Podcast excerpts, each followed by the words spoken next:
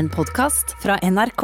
Torkel Risan, hallo. Hallo. Og så er det Anna Litjisia Sigvar- Sigvardsen. Hei! Og så er det jeg som heter Sven eh, Ole Engesvold. Jeg har jo eh, i dag tenkt å anbefale eh, rett og slett en podkast hvor en mor og en datter har gått sammen eh, om å lage dette produktet. Åssen er det med dere hvis dere skulle velge et familie... Kunne dere i det hele tatt lagd noe på en måte kunstnerisk kreativt med et familiemedlem, Torkel? Jeg har jo hatt en eh, radioserie gående med mitt daværende fire år gamle barn. Nei, Å nei, du tok svaret mitt. Falk og pappa, eh, en klassiker. Har du det? Hva gikk det ut på? Du har ikke hørt det? Um, nei. nei. Beklager. Det er jeg ikke. Nei, det var at folk var tidlig ute. Hun ga deg råd. Han Han, ja. Beklager. Søren! Eh, han var tidlig ute med å stille store spørsmål, og så tenkte jeg hva om vi bare tar de store spørsmålene på alvor, eh, og fikk det inn i et radiostudio. Så det, det gjorde vi ganske over ganske mange måneder. Det høres jo veldig gøy ut. Det var veldig, veldig fint. Ja. var det. Så det, det, ja, det, jeg tror vi lærte litt, både jeg og han. Kanskje verdens beste svar da på et sånn vilkårlig spørsmål, vil jeg si. Arne, hva Jeg ville, jeg ville også laget en podkast med min fireåring, men uh, da tror jeg det ville blitt mer sånn krangling enn uh, en eh, store spørsmål om livet. mor og datter krangler på uh, lufta? Bare så- Jeg er ikke så god på kjønn. Du pleier å være veldig god på kjønn. Ja, jeg pleier å være veldig god. Hva med deg, da? Nei, eh, hvis jeg skulle valgt en, så hadde det Jeg har jo tre søstre, og jeg har en som er veldig sånn hun jobber som psykolog, da, så nesten sånn i alle svar hvis det er en samtale sånn Ja, som psykolog så tenker jo jeg at Liksom det vinnende argument? Ja, så, okay. så jeg tenker ja, Kanskje ikke ennå, da, når jeg tenker meg om. Så det deg, forresten. det er vanskelig, altså. Vanskelig, Men eh, å få til noe med min mor, det hadde jo selvfølgelig vært eh, litt rørende. og- Det er jo det vi alle venter på. Det er jo, ja, sant. Der kan du se. Men eh, med det så tror jeg vi ønsker velkommen til denne ukas podkast.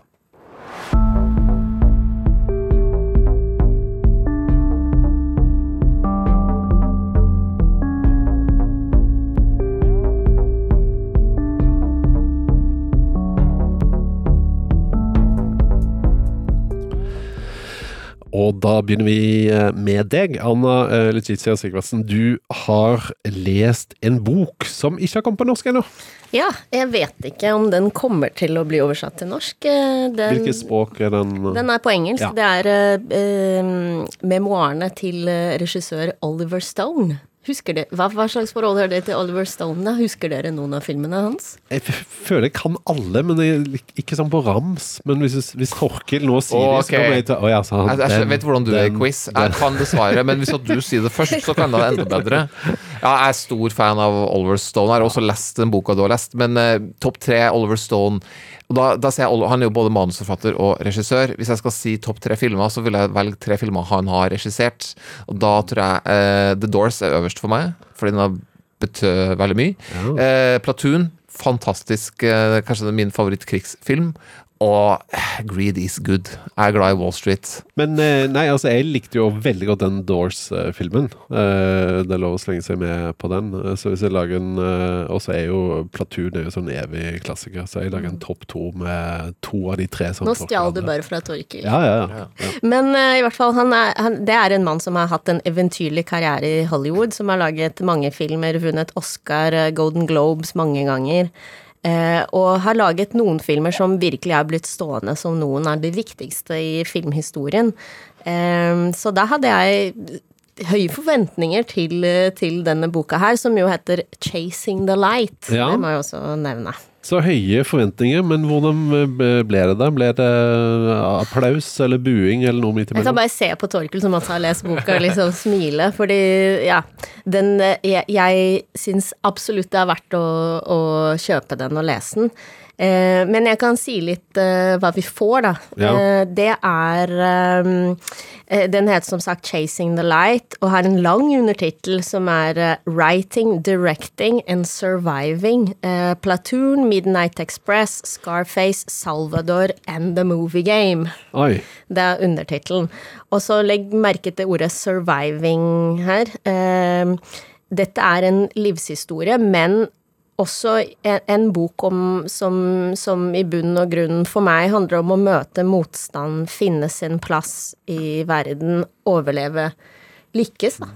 Eh, rett og slett. Og så Oliver Stone har jo vært soldat i Vietnam, så når han sier at han måtte survive, altså overleve eh, i filmbransjen, så skjønner vi at det ikke har vært veldig lett for Oliver Stone.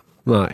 Så altså, han har regissert eh, krigsfilmen, men òg faktisk vært i krigen eh, selv, den Ja. mannen. Og det, og det er en eh, viktig Han skriver mye om krig her. Eh, bestefaren hans var eh, med i første verdenskrig, og foreldrene hans eh, eh, møtte hverandre under andre verdenskrig eh, i Frankrike. Det, deres historie er litt sånn klassisk, hent, som henta fra en film. Den kjekke Ja. amerikanske sånn uh, officer som er stasjonert i Paris, Ja. møter den som hun, Og hun er forlova, ikke sant, fra før, men en annen, men han kommer Stemmer. swooping her. Det er ikke rart det ble filmmaking på den uh, søndagen. nei. Og så, eh, så Så det er liksom Og så drar han selv til Vietnam eh, som ung mann. Så det, det handler mye om krig, dette her. Men, men er eh, Det handler om barndoms- og ungdomsårene i, i livet til Oliver Stone. Og i starten på karrieren hans som manusforfatter. Han skrev eh, manus eh, til Midnight Express, Scarface, som vi nevnte, men også Conan the Barbarian, Ear of the Dragon. Alle er liksom Vi som vokste opp på, på 80-tallet og 90-tallet. Ja, jeg husker de titlene. Mm. Men er det sånn å forstå da, bare unnskyld, men altså, eh, er det sånn at han òg føler at det å lage de filmene har vært liksom en kamp, og kommer det fram i boken, eller er det det der at han hadde det så vanskelig før? Ja. Herlighet. Ja, altså, det er veldig mye eh, motgang. eh, okay. på, på en måte, da. Altså, motgang, da. Det er en sånn zero to hero-historie. At han, han måtte virkelig eh, ja, Hva skal man si Eh, han, han var jo ikke det var, det var vanskelig for han som manusforfatter å, å, mm, å få jobb i Hollywood, men også etter at han begynte å få litt med, med Midnight Express, for eksempel, som han fikk Oscar for som manusforfatter. Eh, men derfra til å begynne å lage filmer selv som regissør, og til og med etter at han hadde fått lov til å lage Platoon, eksempel, så er det så mye som må falle på plass. De har bare så og så mye penger, de har bare så og så mange dager, og det er liksom Alt er vanskelig Ja, for Oliver okay. Stone. Ja, men det, eh, det, det lykkes da for uh, Oliver Stone til enhver tid også. Og jeg tenker også på alle de vi ikke, som vi ikke har, vi leser memoarene til, som sikkert har prøvd like hardt, eh, og kanskje feila enda hardere. Ja. Eh, Det, det finnes sikkert en del av dem også. Det er sånn som slår meg, i hvert fall mens jeg leser Ol- Ol- Oliver Stone sin eh, vinnerbiografi. Ja, sånn. Men hva er du, etter å ha lest boka, hva er, hvilke følelser sitter Arne igjen med? Altså, eh, det er flere ting her. Det, altså, det. Han er manusforfatter, og det er veldig tydelig. Det, det, det, det er ikke, for meg så er det ikke kjedelig i ett sekund. Altså, det er jo en sånn eh, Språket flyter lett, det er godt eh, godt driv, gode, mange gode scener. Eh, og det at han velger da å bare skrive om årene frem til 1987, Uh, Istedenfor å prøve å ta Ok, nå skal jeg ta hele livet mitt og skrive en selvbiografi. Det tror jeg var veldig lurt, fordi da kan han virkelig reflektere over de viktigste Altså de formative hendelser i livet hans, og, og jeg føler at han tar oss veldig inn i eh, disse øyeblikkene, og jeg føler med han, og jeg forstår, og jeg er helt med. Eh, og så er det mm, Altså, det, disse filmene han har laget, er jo veldig actionfylte, så det, det er jo mye av det i boka også. Jeg tok ut et lite utdrag fra lydbokversjonen, Oi, ja, han jo, hvor han leser selv fra boka. Action, I yell so they can hear me several blocks away without the radios. Charge! The orders are repeated in Spanish over bullhorns by my assistant directors. Then comes the growing sound of pounding hooves on those old cobblestones, four metal shoes to a horse, 280 coming from a distance, heading ultimately for our camera crew. I'm praying no one falls off his damned horse in these narrow streets. He'd surely be trampled to death. The first horses are now flying over the bridge, a fiery red explosion to their side. Two or three men fall off in choreographed spots without injury. The horde keeps coming. The momentum of the cavalry charge is the most important thing, and I know we've got it. I can feel the violence of this moment. It's too good, too real. Then, with 70 horses over the bridge, my lead actor bolts. A little early, perhaps. The riders are still fifty yards away, but who wouldn't be scared? Like a giant wave coming down on a ship, the noise alone is enough to terrify even the hardiest soul. Ja. Flink til å lese. Han er flink til å lese og god til å skape bilder og Ja, få oss med på, på action. Regissør Oliver Stone som da leste fra den boka som heter 'Chasing eh, the Light'. Ja, men det er jo, altså, det, det er jo øh, scene i boka og språk og alt, men det, men det er også veldig spennende denne øh, måten han skildrer foreldrene sine på. Jeg vet at Torkel var litt sånn Da jeg sa til Torkel du må lese den boka, så spurte han er det mye om barndommen, for det syns jeg alltid er kjedelig. Men du Ja, eh, det, det er sant, det syns jeg alltid. Hvis jeg, hvis jeg velger å lese biografien til noen, eh, en eh, kjent et eller annet, så, så er det jo karrieren jeg er mest opptatt av. Og Du vil ikke ikke vite noe om de formative årene? Eh, Noen ganger så, så vil jeg det, men eh, stort sett så er det liksom sånn ah, Kom til liksom hvor jeg kjenner deg. Men i Oliver Stone sin eh, bok så vil jeg si at det er nesten høydepunktet. Ikke bare fordi foreldrene i seg sjøl er to veldig spennende figurer som man bruker mye tid på, og de møtes under spektakulære forhold og er gravid med han på liksom den lange reisen vekk fra krigen over til USA, sånne ting. Men også hvordan de er fortsatt figurer i boka gjennom. Forholdet bare til mora er jo dypt interessant og ekstremt Veldig. Ødipalt, akkurat som hans store forbilde Jim Morrison. Mm. Han seksualiserer jo mora si på en litt sånn uvant rolle og uvant måte for meg, eh, og, og har også et komplisert eh, forhold til, til faren sin, som han mener svikta. Mora svikter også, men han tilgir dem, de er viktige, han elsker dem åpenbart. Det er veldig spennende, og han skriver det, og han levendegjør det på en veldig sånn eh, engasjerende måte. Da. Så, så det er definitivt en del av boka her, på, og må være med. Må være. Ja, og så er det selvfølgelig mye filmnerding med liksom For folk som er spesielt interessert i film, så er det Det, det handler veldig mye om hvordan, eh, hvordan en film blir filmen. til. Ja. Ja, jeg synes det er litt, Hvis jeg skal si en ting som er negativ, så er det for mye måte, hvordan finansiere film. Eh, fordi det er sånn, Du fikk det, så, de og de pengene av han fyren, og så fikk du de, og så trakk han seg altså tilbake. og så, så Ja, akkurat Vi skjønner. det, det er litt kjedelig, Det er faktisk litt Ja. mm, for teknisk for min smak. Ja. Eh, så det, det er det eneste jeg vil ha kutta litt på. Er det noe du vil trekke en liten minusstrek over, Anne? Jeg vet ikke om jeg kan si at det er et minus, men altså, det er jo, som jeg sa, veldig tydelig bygd opp som en, en sånn historie hvor han er helten, og det er jo ikke så rart. Det er jo hans selvbiografi, så han har jo laget mange filmer som handler om folk, altså om, om ekte mennesker. Altså George W. Bush og JFK og mange, og han Nixon. Nixon, eh, Snowden. Um, så, men, men når han skriver bok om sitt eget liv, ja, da er han eh, helten. Og det er jo hans versjon, så det er jo ikke noe minus. Men det er klart, det er jo noe man Han, han velger jo selv Han, han tar inn ganske mye kritikk, syns jeg faktisk, eh, som han har fått litt Torkil. Ja, jeg, jeg synes han, er, jeg synes han er snill med seg sjøl, og han, han, han, har, han har litt å svare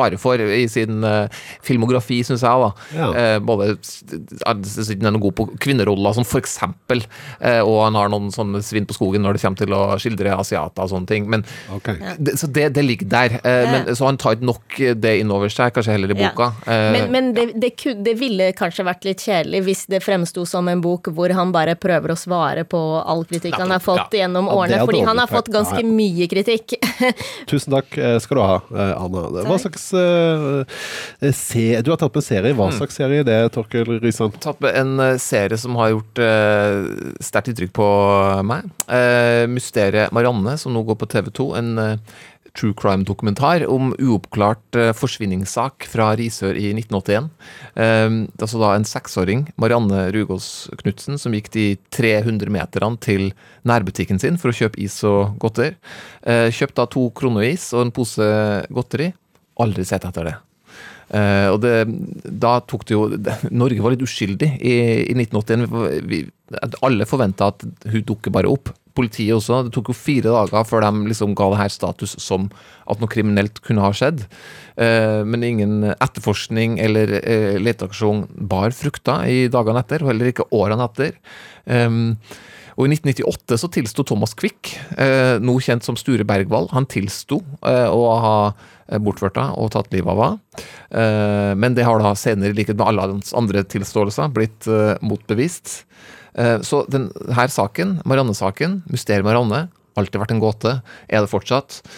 Og den har vært etterforska med mer eller mindre intensitet gjennom årene, ettersom Kripos har fått nye tips eller ikke. Private etterforskere har vært engasjert. Håp har blitt tent. Håp har blitt slukka igjen. Eh, men eh, Marianne-saken er uoppklart, altså. Mm. Eh, hva slags sånn dokumentarisk linje vil du si at denne her legger seg på? Jeg, jeg, jeg må si det, jeg syns den dokumentaren her treffer veldig godt. Det er jo en true crime i at den også liksom, den er etterforskende. Vi, vi forfølger spor, vi er med på det. Vi snakker med politi og privat etterforskere og sånt. Men det er også en dokumentar som viser meg på en sånn god måte hvordan familien har levd, og lever med en sånn sorg. Eh, Familien er med i dokumentaren, og, det, er litt viktig for dokumentarens kvalitet, syns jeg, og legitimitet også.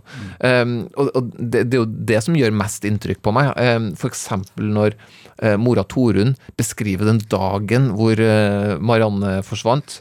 Det, var altså en dag i, august i 1981 i Risør. Eh, Marianne skal egentlig være med mammaen sin og handle. Ut og kjøpe noen gardiner eller sånn der, eh, trivielt, på en fredag. Men så kommer også en tolv år gammel eh, altså Nina, som er søskenbarnet til denne jenta. Hun kommer innom, og hun pleier ofte å sitte barnevakt for Marianne. Så Marianne blir heller hjem, og mora er litt sånn letta for det, for det er, liksom, det er litt lettere å handle, det her vet jo jeg også, uten å ha med en seksåring på slep. Um, og, og da er det så Mora sier jo liksom Hva om jeg bare hadde tatt av meg da hadde jo hele det marerittet her eh, vært, vi hadde vært det foruten. Og de tankene jeg skjønner dem. Hun har ikke gjort noe galt, men jeg skjønner de tankene som har kverna sikkert gjennom hennes hode. Hvordan var det for deg å se på det? Du har jo tre barn selv. Um, det ble veldig Altså, det er vanskelig. Eller det, du, du, lever deg inn i det. Du skjønner, du ser at det her kan skje, for du tenker at det kan ikke skje med meg, men jo, det kan jo skje med eh, hvem som helst. Så jeg hadde jo en sånn episode mens jeg holdt på å se en serien, hvor fireåringen min, da, hun yngste, plutselig ikke, vi fant ikke henne, og hun ple- var ikke i gata hvor hun skulle være. Og da er liksom veien til panikk er mye kortere for meg nå, fordi jeg har eh, Marianne-saken så høyt opp i hjernen. Hva, hva, hva klarer de, eller hva avslører de at de, de finner ut av i, i dokumentaren? De får inn tips, de undersøker dem, og ut fra hva jeg så tilfører det arbeidet som TV 2-serien gjør, mye. Det tilfører saken ganske mye.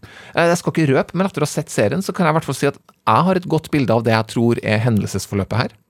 Og det bare det syns jeg jo er, er bra, at en serie kan tilby en, en troverdig løsning, eller teori i hvert fall. Um, men det er jo hele tida den følelsen av at familien, særlig mora og faren som har vært skilt siden før Marianne forsvant, um, de har vært gjennom alt det her mange ganger før. De har liksom 'Å ja, nå vet vi hva som skjedde', og så Nei, det har ikke skjedd. Uh, håp som tennes og slukkes. Så jeg har tatt med et klipp hvor vi hører dokumentarteamet som er ute med hund, og også ekspolitimann og forfatter Jørn Lier Horst er er litt med her. Og de, de driver og graver fysisk i bakken og forfølge et spor for å finne levninger. Akkurat det pappa Morten har gjort i snart fire tiår. Jeg tenker på Morten, som har stått sånn i 40 år og spadd. Leit etter jenta si. Ja, fy søren, altså. Hvis, ja, ja. Hvem prater du på? Morten, pappaen til Marianne. Han har oh, ja, leita ja, ja, fy fader, ja. Det er bare et år siden han leita sist. ja, ja. Når du bygger opp et håp hver eneste gang, og så blir Ja. det knust igjen. ja. Ikke sant? Det blir aldri ferdig. Forventninger og Det er viktig å finne dem, altså. Jeg leiter fremdeles. Det kan ikke være noe som er uprøvd. Jeg må sjekke alt. Det det jeg har gjort. Vi har tømt tjern på gjørme og holdt på mange dager pga. et tips. er Jeg er nødt til å gjøre det. I et skap på rommet til Marianne hadde jeg lagt gavene som var til henne. Det kunne jo godt være at hun ville komme hjem til julaften. Det å kjøpe gaver til Marianne til jul gjorde jeg i mange, mange år. Hun gir aldri opp håpet. Nei, det, det, det er veldig tøft. Hun leste jo det fra en bok hun sjøl skrev. Men det er bare, det er bare se for seg at det står et skap fullt av mm. julegaver til ei jente som aldri kom tilbake. Det, det er, er ikke sterkere enn at det gjør veldig uh, stort inntrykk å se på. Er det mulig da å altså, Sånn som denne her er laga, er det noe som, som det går an å sette fingeren på? Og, Ja, ja. Med tanke på at det er et såpass sånn tøft eh, tema? Ja, selvfølgelig. Eh, altså eh, Det er et valg de har gjort i produksjonen, da, men jeg syns det er litt mye reporter, rett og slett. eh, Etter eh, min smak. Jeg vet ikke helt om jeg trenger å følge liksom, reporterens forberedelser til intervju reporter er nervøs, reporter ringer sjefen sin. eh, den type liksom journalist i arbeid-bilder som, mm. som, som er helt åpenbart et valg, og det, det tilfører noen ting. Men eh, jeg vil ha jeg, jeg, så, jeg ser løsninger jeg tror kunne ha vært smidig uten at vi ble for mye med. Nå er jo en veldig dyktig reporter, Anne Marte Adolfsen, så det ikke det er det at hun gjør noe galt. Eller sånn sett. Det er selve grepet. Eller? Jeg syns selve grepet eh, Ja, jeg, jeg kunne te- tenkt meg mindre av det, eh, faktisk. Mm. Det, så det, det, er vel, det er vel noe eh, å sette fingeren på. Men eh, ja, nei, jeg, jeg liker det menneskelige aspektet ved serien eh, skikkelig bra, og jeg er fornøyd da med måte, det de finner ut av ting underveis. Ja. Og de to første episodene, er vel, eh, de ligger da ute og har kommet Mm. allerede på TV2 Mysteriet eh, Marianne, og så er det seks episoder totalt. Kommer nye episoder hver uke. Tusen takk for den anbefalingen, Torkel Risan. Og da har vi kommet Da er det din tur, Sven. Ole. Da er det min tur. Det var Hva har du med deg i dag? Jo, Arna, nå skal du høre. Dere skjønner hvorfor jeg ikke er programleder. Ja, det funka fint, det. Nei, nå blir det jo litt mer eh, si, lystig igjen, for da, altså, vi skal tilbake til det vi snakka så vidt om i starten, med en sånn familiepodkast. Eh, og jeg sa jo ikke hvem dette gjaldt, da. Det er jo ingen ringere enn Ina Wroldsen. Eh, og der kom smilet, Torkel. Det Er du ingen ringere enn Beyoncé. Ja, men altså, Ina er jo en av eh, vår tids eh, store Hun har masse suksess. Skriver for andre, skriver for de store stjernene. Og ikke minst har har hun jo lagd masse hits eh, for seg selv. Eh, så hun kan både lage for andre og altså, Du har hørt Strongest, har vi hørt. Mother har du kanskje hørt. Favela. Eh, Det har jeg fått med meg siden jeg, jeg er fra Brasil. Ja. Ina Woldsen i hvert fall. Hun eh, jo, har jo en mor, eh, og de har jo hatt et sånt forhold når Ina Woldsen har vært opp og ned i denne popbransjen, både nasjonalt og internasjonalt så langt. Så har hun liksom ofte hatt med seg moren sin. Eh, så det har nesten blitt en sånn greie med liksom, ah, der kommer Ina drassende med mora si. Men det er liksom en god grunn til det. Har du opplevd det sjøl? Nei, jeg har absolutt ikke sagt det. Men det er en god grunn fordi de har et selskap eh, altså en ting, De er forretningspartnere. De har, hun eier en del av selskapet til eh, Ina eh, Woldsen. Og så er det rett og slett eh, at de er veldig gode venner. Og moren har da fungert som en sånn klippe og, og anker i eh, hennes karriere. Og tenk deg eh, det privilegiet da, å kunne ha med eh, kanskje den du er aller mest glad i, i noe som kan være litt skummelt, som f.eks. Uh, musikkbransjen. Poenget er da at disse to Det er altså ganske naturlig valg. Da Jeg tenkte da apparatet til Ina Woldsen sa ja, vi kunne tenke oss å lage en podkast med deg, noen du har lyst til å ha med deg. Da er det jo ganske åpenbart at det ble eh, mammaen. Så de to har laget en podkast som heter Ina og Wroldsen. Hva Eh, slags tone er det mellom eh, mor og datter her? Du, Er de, det- krangler de mye, eller er de kjempegode venner, eller? Jeg vil si at det er eh, Det er en del sånn eh, vennskapelig kjekling. Eh, så sånn sett så føler jeg man kommer rett inn på liksom kjøkkenbenken hjemme hos eh, Wroldsen eh, og får litt sånn innblikk i hvordan eh, Altså, det er et sånn klassisk mor-datter eh, sånn eh, småkrangling og erting med, som oser av kjærlighet. Er det trivielle ting, eller snakker de om musikk, eller hva, hva, hva snakker de om? Ja, de snakker jo Altså, i podkasten skal de dele erfaringer om musikkbransjen og livet generelt. Det er liksom eh, overskriften.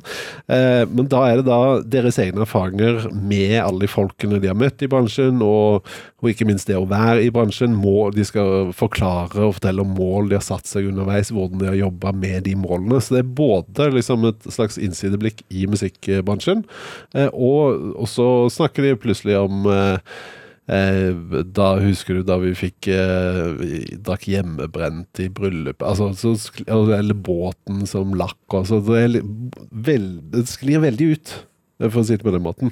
Eh, Men jeg tenker sånn læringen i dette, og det som kanskje gjør det interessant, er at vi får da en som er på toppen av sin eh, karriere, tør jeg påstå, Ina Woldsen, eh, som deler da sine erfaringer fra eh, musikkbransjen. Og hun har jo jobba med f.eks. Britney Spears. Eh, og her eh, har jeg tatt med et lite klipp hvor hun forteller om hvordan det var å møte eh, eller på en måte instruksjonene hun fikk av Britney Spears før hun skulle skrive låter for henne. Og um, Jeg var i LA fordi jeg skulle jobbe med Det var på Britney Spears album. Det album som kom etter det der Fem Fatale. Jeg husker ikke hva det het. Hun kom inn og sa sånn at hun ville at alle sangene skulle høres ut som Tim Burton-filmer. Da hadde jeg vært blank. Ja, det var det flere som var. Uh, og de filmene hun da nevnte, var liksom Alice in Wonderland.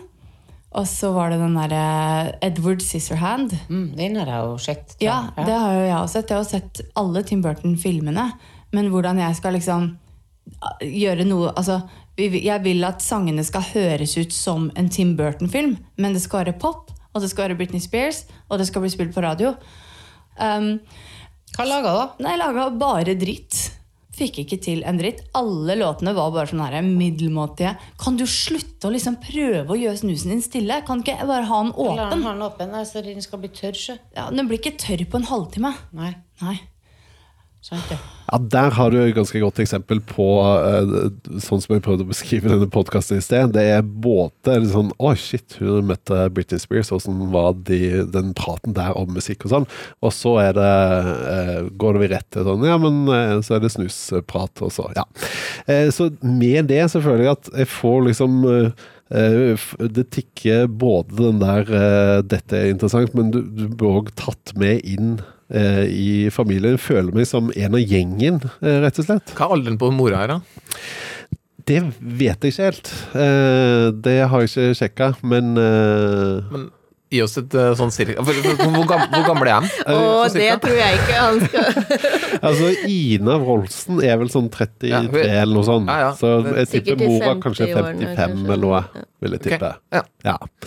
Eh, det er flott bilde av de to på podkasten hvor de sitter altså, som i eh, På en måte i sånn business-klær, altså i dress, eh, i et møterom. Eh, mor og datter som da har laga podkast sammen. Også, hvert fall sånn for meg, så er det så eh, det jeg har fått med meg av Ina Wroldsen så langt, så har jeg nesten vært Oi, hun er litt sånn utilnærmelig og eh, vært litt sånn opphøyd for meg. Kanskje mye pga. det der med at hun har hatt såpass stor suksess internasjonalt, samtidig som jeg ikke føler at jeg har fått mulighet til å bli kjent eh, med henne. Men det går ikke mange sekundene av første episode her før man eh, liksom tenker Å ja, er sånn hun er? Eh, For en jordnær og ålreit eh, dame, liksom. Så det var, eh, var ikke en åpenbaring, men det var sånn godt å få det uh, bekrefta. Tenker jeg.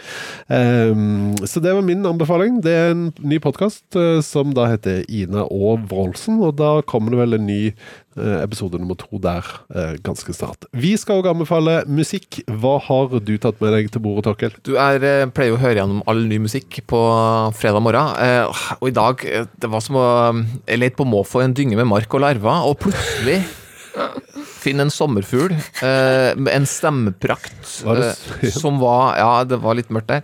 Eh, jeg fant eh, Ari Lennox, eh, som eh, sammen med Anthony eh, Ramus har spilt inn en låt som Den er spilt inn eh, Ikke slekt med Annie Lennox. Nei, ikke i slett uh, med Annie Lennox. Um, uh, men uh, ja, hun er en soul-funk-sangerinne fra, fra Washington, USA. Som, så, altså Den stemmen dere skal snart få høre, den er meget smektende. Uh, en, en låt da de spilte inn til inntekt for en veldedig organisasjon i USA som støtter små bedrifter. altså det, Hardt ramma av covid-19. Det er cover av en Sly and the Family Stone-låt. If You Want Me To Stay, da med Ari Lennox og Anthony Rimus.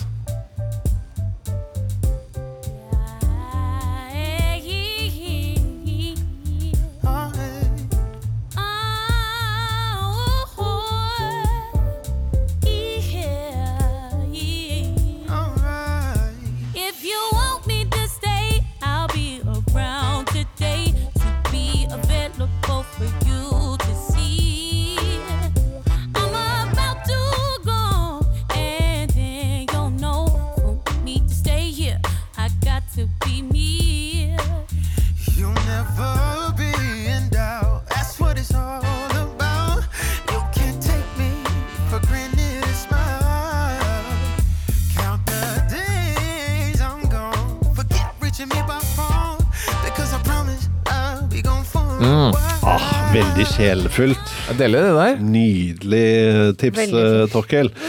Eh, Da var vi over på min anbefaling, og da skal vi heim igjen, som eh, vi pleier å si, til Norge og til den norske sangeren og låtskriveren Skår.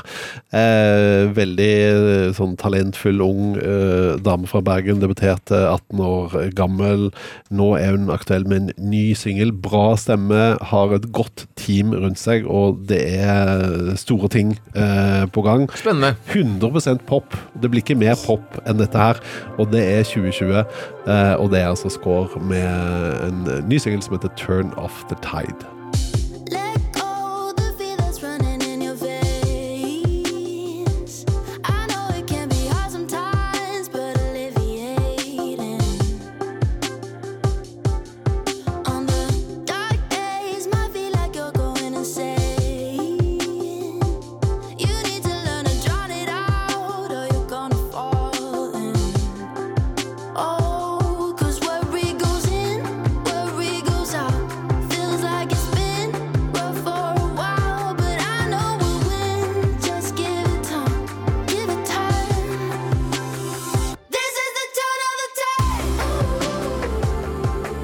Det var Score, eh, anbefalt eh, her i Kulturstripas podkast. Anna, hva slags musikk har du tatt med? Jeg har tatt med en som heter En, en ny norsk eh, soulartist som jeg ikke kjente til. Eh, Marie Noregger, har dere hørt om henne? Nei. Ukjent for meg. Ukjent for meg også, ja. Nei, hun er eh, den, den låta her er produsert av eh, Morten Gillebo, som har jobbet sammen med Isa Dutte-Dior og Arif. Aha. Og Kim Ofstad, trommis i D-Sound. D-Sound. Mm. Um, og jeg prøvde å se og prøvde å høre på flere låter hun har laget. Jeg tror ikke altså, Det ser ikke ut som hun har uh, uh, sluppet så mange låter før. Så det er, litt, det er alltid litt spennende med en ny artist som jeg ikke kjente til. Da hører vi på hvordan hun høres ut, da. Marie Noreger. Wanna figure out why I lean my head down. Fingertips now, don't hold it right now. Trying to figure out why it's the call of my heart. Stories to tell, tell you my part. Hold, hold, lead my steps slowly, slowly, slowly. Try not to hold, hold, hold. Slowly, so slowly. Oh. Ny norsk musikk, og det er jo alltid veldig spennende. Eh, Marie Noregger. Jeg glemte å si hva låta heter. Ja, Den heter, heter Soulfully High. Soulfully High. Eh, da ble det ganske så sjelfullt, eh, og to norske anbefalinger i eh, musikkbiten eh, i dag. Torkil Risan, hva har du anbefalt i denne eh, podkasten her? True crime-dokumentaren Mysteriet Marianne. Første to episodene finner du allerede ut på TV2 Sumo. Mm, og Anna Lucia Sigvardsen. Jeg anbefalte Oliver Stones memoarer 'Chasing the Light'. Og jeg anbefalte en helt eh, ny podkast som heter Ina og eh, Wroldsen. Tusen takk skal dere ha for deres eh, anbefalinger og gode tips. Torkel Risan og Anna Letizia Sigvardsen. Eh, ikke glem at eh, Kulturstripa er jo egentlig et radioprogram det, eh, som går på P2 hver eneste ukedag mellom 14 og 15. Har du noen tips og innspill til oss, så er vi eh, kjempeglad hvis vi får e-post på kulturstripa krøllalfa nrk.no. Så blir vi glad hvis du gir oss en rangering der du har funnet denne podkasten. fem stjerner er det eneste som teller. Så det er det vi bestiller. Tusen hjertelig takk for det. Og så høres vi igjen eh, snart. Du har hørt en podkast fra NRK. Hør flere podkaster og din NRK-kanal i appen NRK Radio.